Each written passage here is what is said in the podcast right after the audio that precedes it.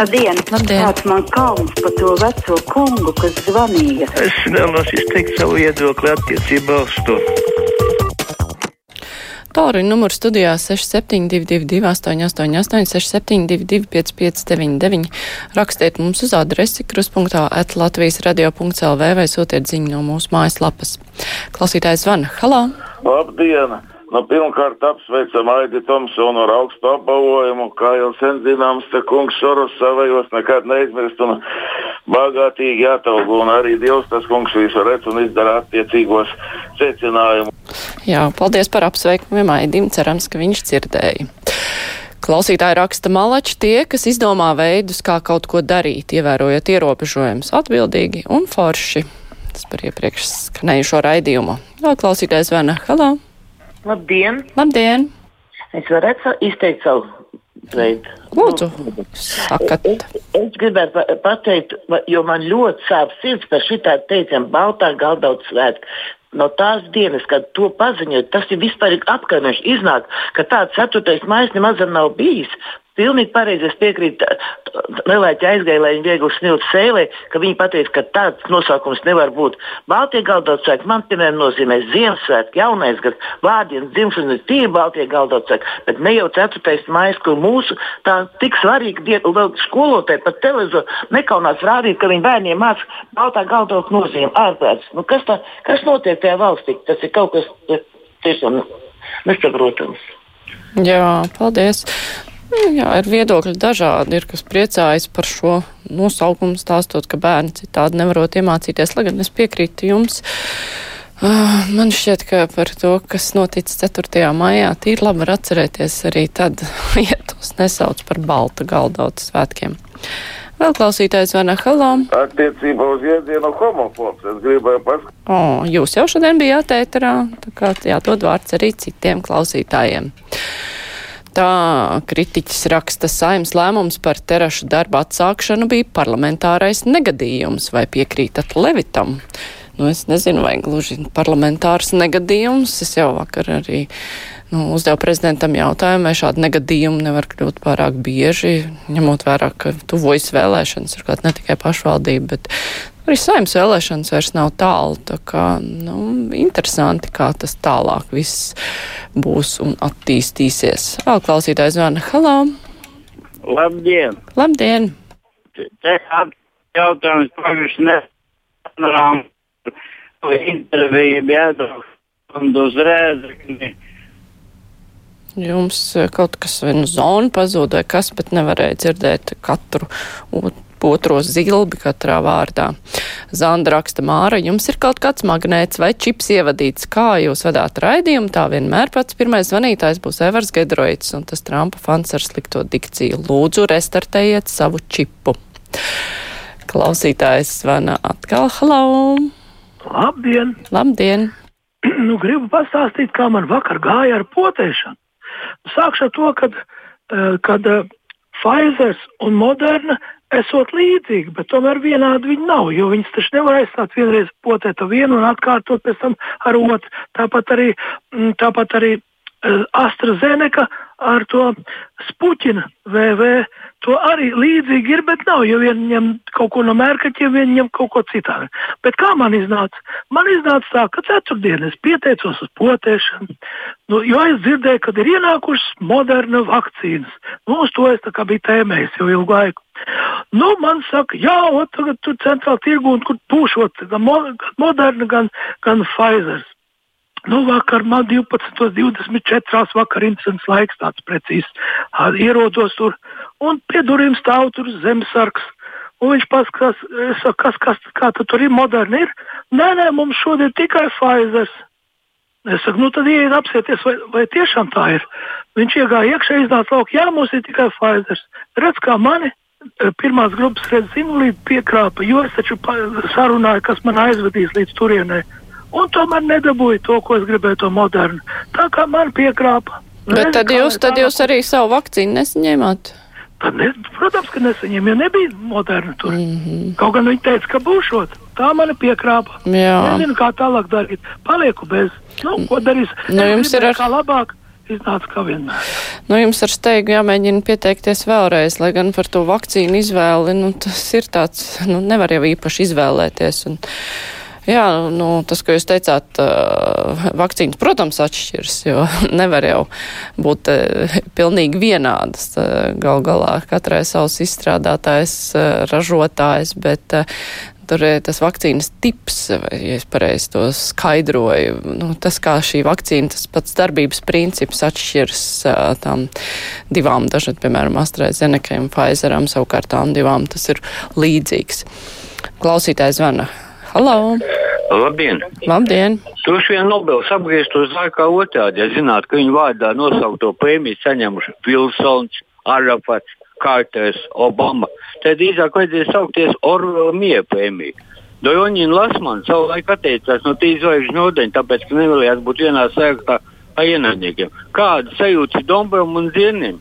Jābalvojums ir ticēji Paskilantam Ozoliņam un otrā pasaules kara un saļņas. Mm -hmm. Nu, skaidrs, mans čips joprojām darbojās pa vecam. Birut raksta terašu atvēršana 7. maijā, laikam domāt, lai 9. maija svinētāji varētu turpināt svētkus uz terasēm. To vajadzētu saimnes deputātiem paskaidrot.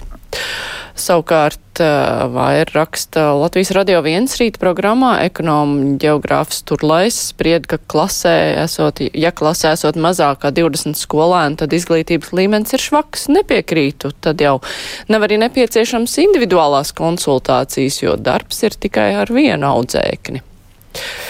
Klausītājs zvana Halo! Labdien! Labdien! Es gribēju savu viedokli attiecībā uz negadījumu, kur nodega Mērķa lielā tēka. Uh, te var just pilnīgi to, ka kāds ir ļoti saspringts un satraucies, tāpēc ka nemitīgi tiek skandēts nelegālais hostels, nelegālais hostels. Bet, ja tur pieliktu to vēl vienu vārdiņu, valsts īpašumā esošais nelegālais hostels, tad jau būtu mazliet savādāk tā lieta. Un otrs, tie, kas saka, ka nevar iekļūt ēkā un nevarēja tur neko uzlikt, tie visdrīzāk ir saistīti. Tāpēc, kad jau vai nu kur nevarētu tikt hostelī, jau nu gan varētu tikt. Vismaz kā apmeklētājs, vismaz kā pseido apmeklētājs, nevarētu tikt vēl, piemēram, dzīvoklī. Tā kā tie ir meli. Visdrīzāk jau tur noteikti bija kaut kāda vienošanās un kaut kāda nauda tika atskaitīta. Mm -hmm. nu, jums vajadzētu rīt, vai nu mēģināt zvanīt, ā, nē, rīt, es nezinu, vai kolēģis pieņems zvanus diskusijā, bet viņam būs tieši par šo jautājumu diskusija, kā, varat arī uzrakstīt savus pārdomas, domāju, ka tas noderēs, bet par to valsts īpašumu taču bija noskaidrots, kam tas dzīvoklis piedara. Tas bija konkrēti cilvēks, vismaz pēc ierakstiem zemes grāmatā. Klausītājs van, halau! Jā, sveiki. Labdien. Es skrienu šo, šoreiz. Jā. Nu, zināt, nu, tomēr žēl tos aktierus. Nu, ļoti žēl. Bet no citas puses, tuvojas uh, siltie laiki, kad uh, visas tās tukšas estrādes, ja sagudrot kaut ko ar tiem diviem metriem, var taču, piemēram, tā pati balva estrāde. Ja, viņa ir milzīga.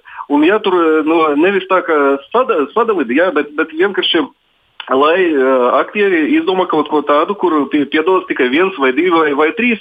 Un tad, uh, jebkurš, nezinu, pusaudis var jums nodrošināt to skaņu, jā, lai, lai skatītāji dzirdētu.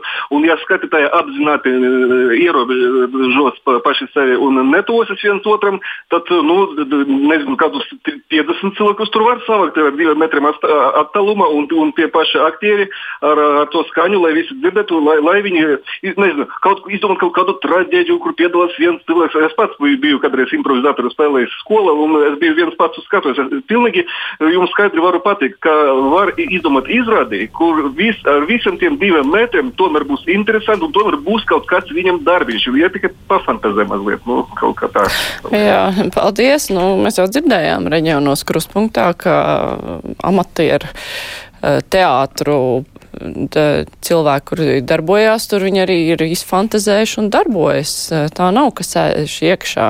Kurš atrod, kurš parkā bija arī dejotājs stāvlaukumos, nā, nē, kors, laikam, stāvlaukumā. Tā kā tur cilvēki ir ļoti radoši un izdomā veidu, kā var darboties. Klausītājs zvan, halā! Labdien! Labdien! Es gribētu izteikties par vakardienas krustpunktā raidījumu. Es ļoti gaidīju vakardienas raidījumu, tāpēc, ka viņš bija ar prezidentu. Un es domāju, ka tur būs nu, attieksme cībā pret 4. māju par svētkiem, kaut kas tam līdzīgs. Pacelājoši, lai būtu kā atgādināt to dienu, kāds mums bija pirms 31. Ga 31 gada kuru es tik ļoti gaidīju. Bet bija parastais eh, darbdienas mikrofons. Knāba, kurš nu vairāk varēja ieknāpt un kurš kuru varēja pārspēt. Nu, tādā ziņā tomēr gribēju nu, citu, atvainojos, nevis formātu, bet es atvainojos. Jā, nu, es pārtraukšu. Es domāju, jūsu domu sapratu uz veselību jums, eh, bet, eh, nu. No vienas puses, jā, ir svētki un šķiet, ka vajadzētu gribētos runāt varbūt tikai par skaisto, bet, nu, skaistu vārdu šajā dienā skanēja ļoti daudz, un mēs tomēr gribējām izmantot iespēju, kad mēs runājam ar prezidentu, runāt arī par tiem jautājumiem, kas ir aktuāli riņķī un apkārt citās dienās. Nu, tāds, tādi bija mūsu apsvērumi. Bet žēl, ka jums nepatika. Klausītājs Vana Halā.